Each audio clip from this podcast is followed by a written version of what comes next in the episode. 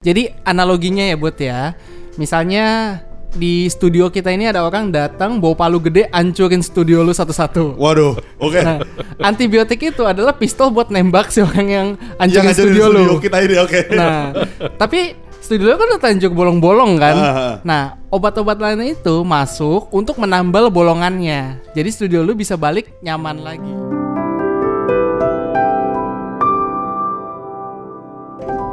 Halo semua sobat podcast. Halo sobat, gimana nih keadaannya? Semoga tetap sehat, semoga tetap fit dan selalu terus dengerin kita. Bud, kok selalu lu sih yang boleh buka podcastnya? Gue kapan? Enggak, pokoknya gue pengen mendominasi. Karena buat gue laki-laki itu harus mendominasi. Gue juga laki-laki. Oke Yan, jadi hari ini kita ada yang agak berbeda Yan. Iya nih. Gue lihat ada orang baru di sudut sebelah kiri. Dia nih siapa ya orang ini sebenarnya ya? Kenapa dia bisa ada di studio kita ya? Nggak ngerti gue. Jadi sobat, ini kita kedatangan eh, special guest star ya. Ini teman kita waktu SMA Betul. dan dia udah pindah untuk berdomisili di Amerika. Ya. Nah, kebetulan latar belakangnya dia adalah farmasi. Betul, betul. ya. Jadi dia suka di gang-gang gelap nawarin obat dalam bentuk bubuk putih. Oh, jadi di Amerika kerjanya begitu ya? Atau jangan-jangan di Amerika ada yang begini? Ya, jual obat, jual obat, jual obat, jual obat. Mungkin gitu kali ya.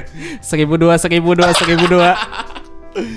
Oke, jadi eh, namanya Willy. Will, lu boleh perkenalin diri lu, latar belakang lu di US ngambil pendidikan apa dan segala macamnya biar teman-teman bisa denger siapa ini Willy. Oke, hai sobat sehat. Eh, nama saya Willy. Saya lulus dari Mass College of Pharmacy in Boston. Um, lulusan tahun 2015. Um, terus saya kerja di retail uh, sama CVS kurang lebih hampir 4 tahun. Um, so far, yeah, th- that's me. Eh, Yan, Yan, mungkin biar kita sama, kita ngomong juga gitu kali. Jadi saya kerja di Indonesia sebagai musisi.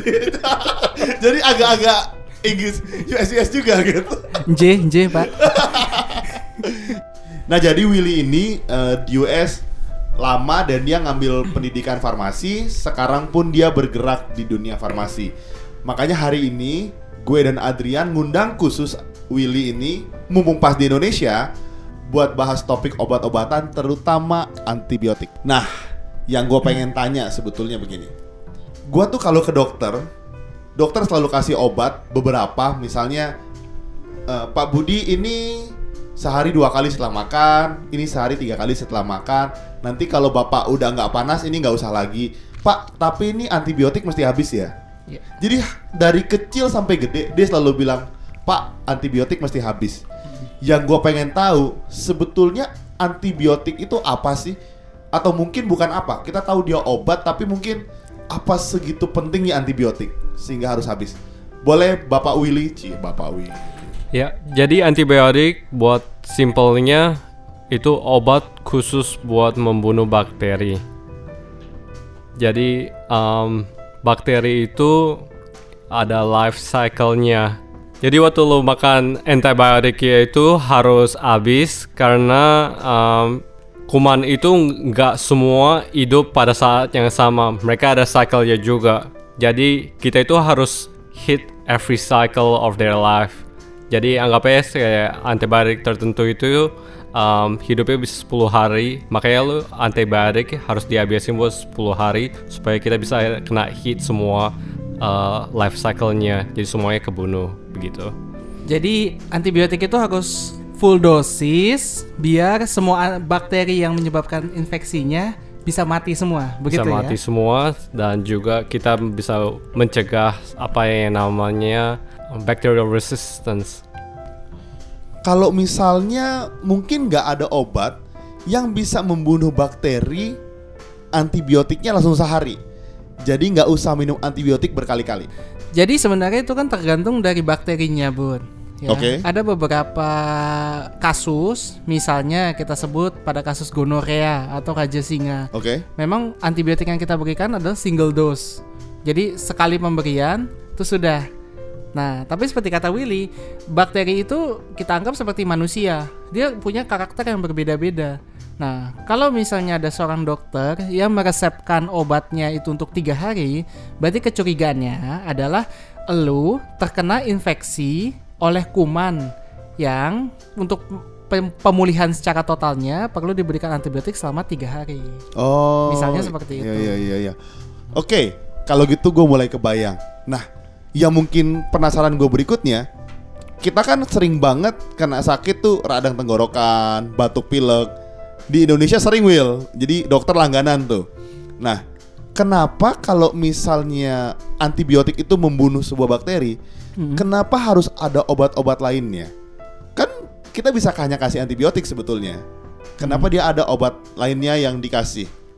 Jadi um, semisalnya kayak uh, penyakit seperti um, infeksi sinus itu emang ada antibiotik buat obatin bakterinya, tapi at the same time uh, lu juga harus treat simptomnya. Um, kayak orang pernah penyakit sinus, pilek, kita kasih antihistamin uh, atau nasal decongestant, sama kalau ada batuk kita bisa kasih expectorant sama pereda batuk. Jadi analoginya ya buat ya. Misalnya di studio kita ini ada orang datang bawa palu gede ancurin studio lu satu-satu. Waduh, oke. Nah, antibiotik itu adalah pistol buat nembak si orang yang Yang ancurin ngajarin studio, lu. kita ini oke. Nah, tapi studio lu kan udah tanjuk bolong-bolong kan. Ah. Nah, obat-obat lainnya itu masuk untuk menambal bolongannya. Jadi studio lu bisa balik nyaman lagi. Oh, Oke oke oke oke. Cuma antibiotik itu sifatnya nggak seperti pistol, instan. Ya ya. Dan ya. dia bekerja itu perlu waktu. Biasanya simptomnya baru bisa membaik sekitar 1-2 hari ya setelah konsumsi antibiotik. Jadi orangnya ditembak hidup lagi ceritanya gitu kan? Enggak, tembaknya meleset. Incarannya kepala kena tangan, Oh, iya, kaki, oke, oke. ya kan. Oh, Matinya iya, iya. pelan-pelan. Oh, oke, Matinya pelan-pelan. Matinya pelan-pelan. Nah, Oke, jadi oke. sambil kita tunggu si penyebab infeksi itu benar-benar hilang, kita tangani dulu gejala sementaranya dengan obat-obatan sampingan. Oke. Gitu. Analogi yang menarik ya. Kalau mungkin karena di Indonesia pelaku kriminalnya banyak, jadi lebih masuk kayaknya kalau analoginya kriminal gitu ya. Mabut tersinggung ya? Oke Yan, penjelasan tadi masuk akal banget sebenarnya mengenai analogi studio kita yang berantakan ini karena ada orang jahat itu. Nah, pertanyaan yang gue pengen tanya berikutnya adalah apa yang terjadi seandainya antibiotik tidak habis? Karena gue pun pribadi beberapa kali antibiotik nggak habis karena gue lupa. Gue merasa biasanya antibiotik kan tiga hari ya. Dalam dua hari gue merasa tubuh gue sudah sangat fit sampai gue pikir ya udahlah nggak usah lagi nah sering kali di hari ketiga itu gue nggak minum biasanya karena gue lupa Aduh. Will, gimana nih kasus kayak gini nih? ini apoteker sebel kayaknya udah bikin mahal-mahal riset capek-capek nggak dihabisin gitu ya Enggak dia bilang, lu udah bayar ya udah.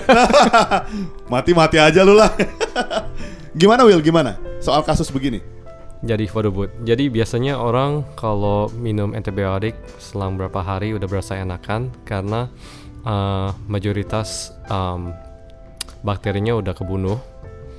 Jadinya kebanyakan orang stop antibiotiknya. Cuman kalau begitu terus menerus bakterinya itu bisa develop something called um, bacterial resistance, which um, means that antibiotik yang lu makan tuh nggak bakal efektif lagi, Bud. Gitu. Bahaya sebetulnya ya. Sangat berbahaya karena begitu udah uh, resisten kita udah nggak ada antibiotik lain lagi yang bisa membunuh uh, bakteri itu. Will, ya kalau di Amerika, nun jauh di sana, itu eh orangnya bagaimana sih terhadap antibiotik? Kepatuhan minum obatnya, terus demand tuntutan terhadap pemberian antibiotiknya itu bagaimana? ya kurang lebih di Amerika juga banyak um, ada pasien yang lumayan bandel uh, antibiotiknya ke- uh, tidak di um, diselesain jadi kita sebagai farmasis sana um, harus terus um, push mereka supaya selesain antibiotik ya kadang-kadang kita harus teleponin beberapa hari setelah diambil antibiotiknya gimana kondisinya udah bayan dan mah sampai harus tetap saranin mereka habisin antibiotiknya begitu Oh, jadi Iya. follow up pasien Follow minum up. antibiotik itu juga dilakukan oleh tim Tim farmasi. pharmacist, iya. Kita ada follow up-nya. Iya. Yan, kalau gua minum Ya. obat, kok lu nggak pernah follow up gua? Karena lu laki-laki, Bud. Laki-laki nggak follow up laki-laki ya? Aduh. Oke, nah, gue pengen tanya pribadi karena tadi segitu berbahayanya kalau orang udah eh, sebuah penyakit udah resisten karena antibiotiknya jarang diminum. Yang pernah ketemu kasus nggak sampai ada orang yang resisten sampai obat udah nggak mempan lagi sama penyakit di orang ini. Iya. Ada beberapa kasus sih, Bud. Jadi kalau di Indonesia ini, terutama kita kan masih banyak banget kasus tentang TBC. Oh, oh ya, oke ya, oke. TBC. Nah, kalau misal menurut guideline, TBC itu kita punya eh, tiga lini pengobatan. Ya. Kayak waktu itu pernah gue bahas juga ya. Ah, ah, ah. Jadi didengar lagi ya Healthy Hack episode 1, 2, 3, 4. Nah, jadi kalau misalnya kita eh, pengobatan TBC itu kan masuknya sebagai antibiotik. Ya. Nah, kita masuk lini pertama. Lini pertama ternyata eh, pasiennya nggak patuh minum obat. Akhirnya dia menjadi drug resistensi lini pertama kita masuk lini kedua. Nah, setelah lini kedua nggak patuh lagi. Nah, ternyata dia masuk lini ketiga. Di mana lini ketiga itu juga sebenarnya udah sulit sekali untuk ngobatinnya. Nah, ternyata, kalau misalnya ternyata lini ketiga, ketiga gagal, maka selanjutnya adalah kita sebut kasusnya terminal. Karena udah nggak ada obat antibiotik lagi yang bisa mengatasi kuman TBC ini. Jadi dengan kata lain, orang itu dipastikan meninggal karena penyakitnya. eh kita nggak bisa kontrol infeksinya lagi dan biasanya itu berujung pada kematian. Ada kasus yang begitu juga ya? Pernah beberapa kali mendapatkan kasus seperti itu. Karena terminal tadi, Iya. penyakitnya udah resisten. Iya. Wow. Jadi um, antibiotik itu juga ada sejarahnya dari dulu abad pertengahan uh, sebelum penicillin ditemukan um, itu case itu hidup atau kalau imun sistem kita nggak bisa membunuh anti uh, bakterinya choice kita itu tinggal hidup atau mati separah itu. Makanya penicillin itu pas ditemukan um, sudah seperti magic bullet. Jadi udah mm, bisa buat cure banyak penyakit bedanya sama sekarang itu penicillin pun kayak ampicillin itu tuh resistannya udah tinggi banget jadi hampir nggak bisa kepake lagi sekarang. Jadi kayak drug resistant gitu um, kita harus tanggapin dengan serius karena dalam ke depannya kalau kita praktisnya begini terus dalam 20-30 tahun yang akan datang itu eh, antibiotik udah nggak bakal eksis lagi. Jadi kita balik ke masa abad pertengahan. Di mana kalau imun lu nggak bisa ngalahin, lu mati, ya gitu kan? to the point. Simple. Karena eh, rate-nya tingkat resistensi antibiotik yang terjadi itu jauh lebih tinggi dibandingkan penemuan antibiotik yang baru. Gitu. Jadi benar kata Willy, kalau misalnya kita tetap salah menggunakan antibiotik terus-menerus, lama-lama eh, kita nggak akan menemukan obat yang bisa membunuh bakteri yang sudah resisten terhadap semua antibiotik yang kita punya saat ini. Teman-teman kalau begitu sebetulnya hal ini mesti disosialisasikan ke para praktisi kesehatan untuk tidak memberikan antibiotik secepat itu kalau dia tidak perlu, betul kan? betul Jadi ya kalau misalnya lu Yan sebagai dokter, tapi kadang-kadang pasiennya maksa sih ya. Dia merasa gua harus dapat antibiotik gitu. Padahal sebetulnya kalau lu bisa sembuh dengan istirahat, nggak usah pakai antibiotik, istirahat aja sebetulnya gitu kan? Wow, bahaya juga ternyata ya kalau udah resisten ya. Em, terus gue jadi penasaran, gimana cara kita tahu bahwa kita udah resisten sama penyakit tertentu? Atau jangan-jangan gue sudah resisten sama batuk pilek karena nggak pernah gue habisin obatnya. nggak gitu buat biasa kalau mau tahu resisten apa enggak lu darah lu diambil kita sebutnya blood culture gitu ntar dites sama lab um, sama antibiotik apa yang kamu resisten apa enggak begitu Jadi, taunya jadi eh, hasil tes darah itu bisa menunjukkan kita udah resisten terhadap obat apa aja. betul buat Ya. Oh. Jadi ba- basicnya kultur darah atau biakan darah itu kita ambil darah lo, terus kemudian bakteri yang ada di dalam darah lo itu kita biakan.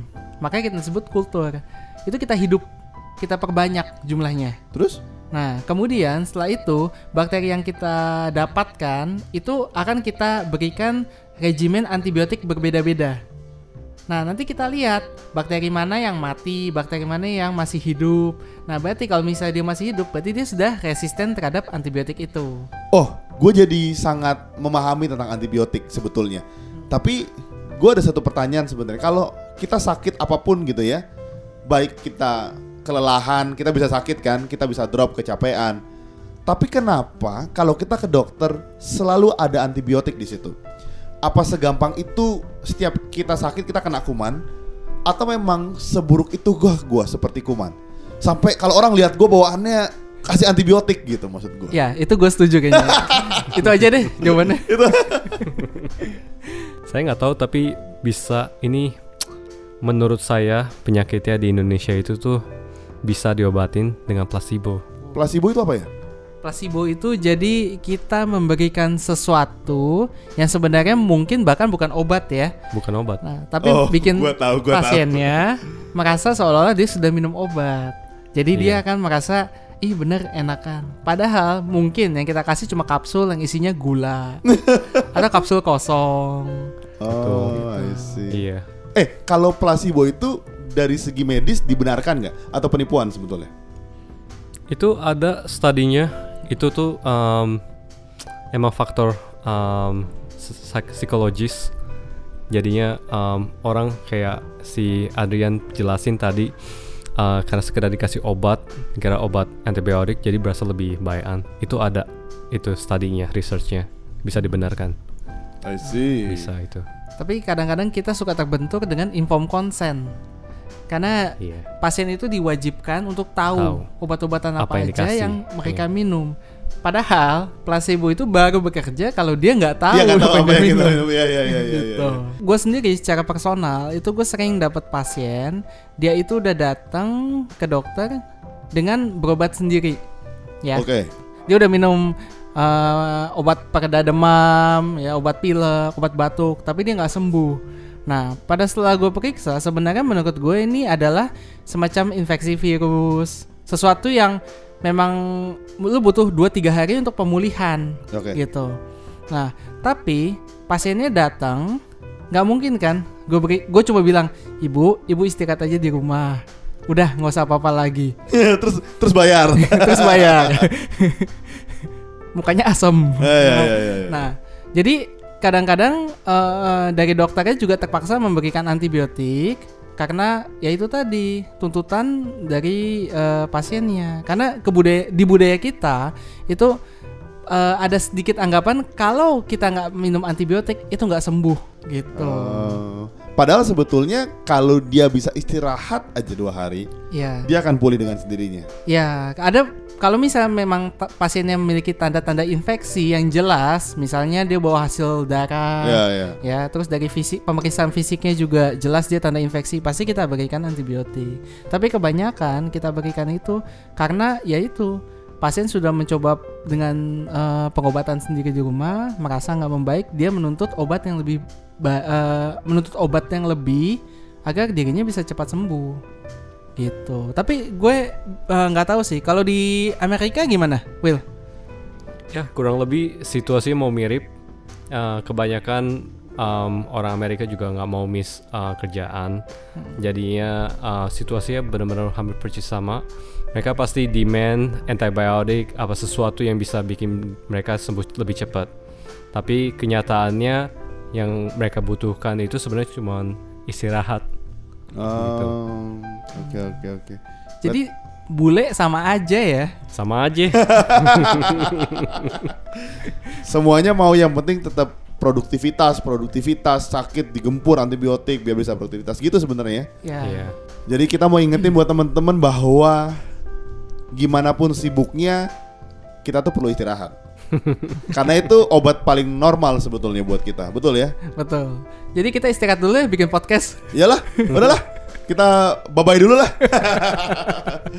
Jadi sampai situ aja emang podcast kita dan thank you banget buat Willy yang udah dateng untuk kita bisa tanya-tanya mengenai ya sedikit banyak farmasi di Amerika lah. Oke, kalau gitu eh, sekian dulu podcast kita episode kali ini. Sampai jumpa di episode berikutnya. See ya. Ciao.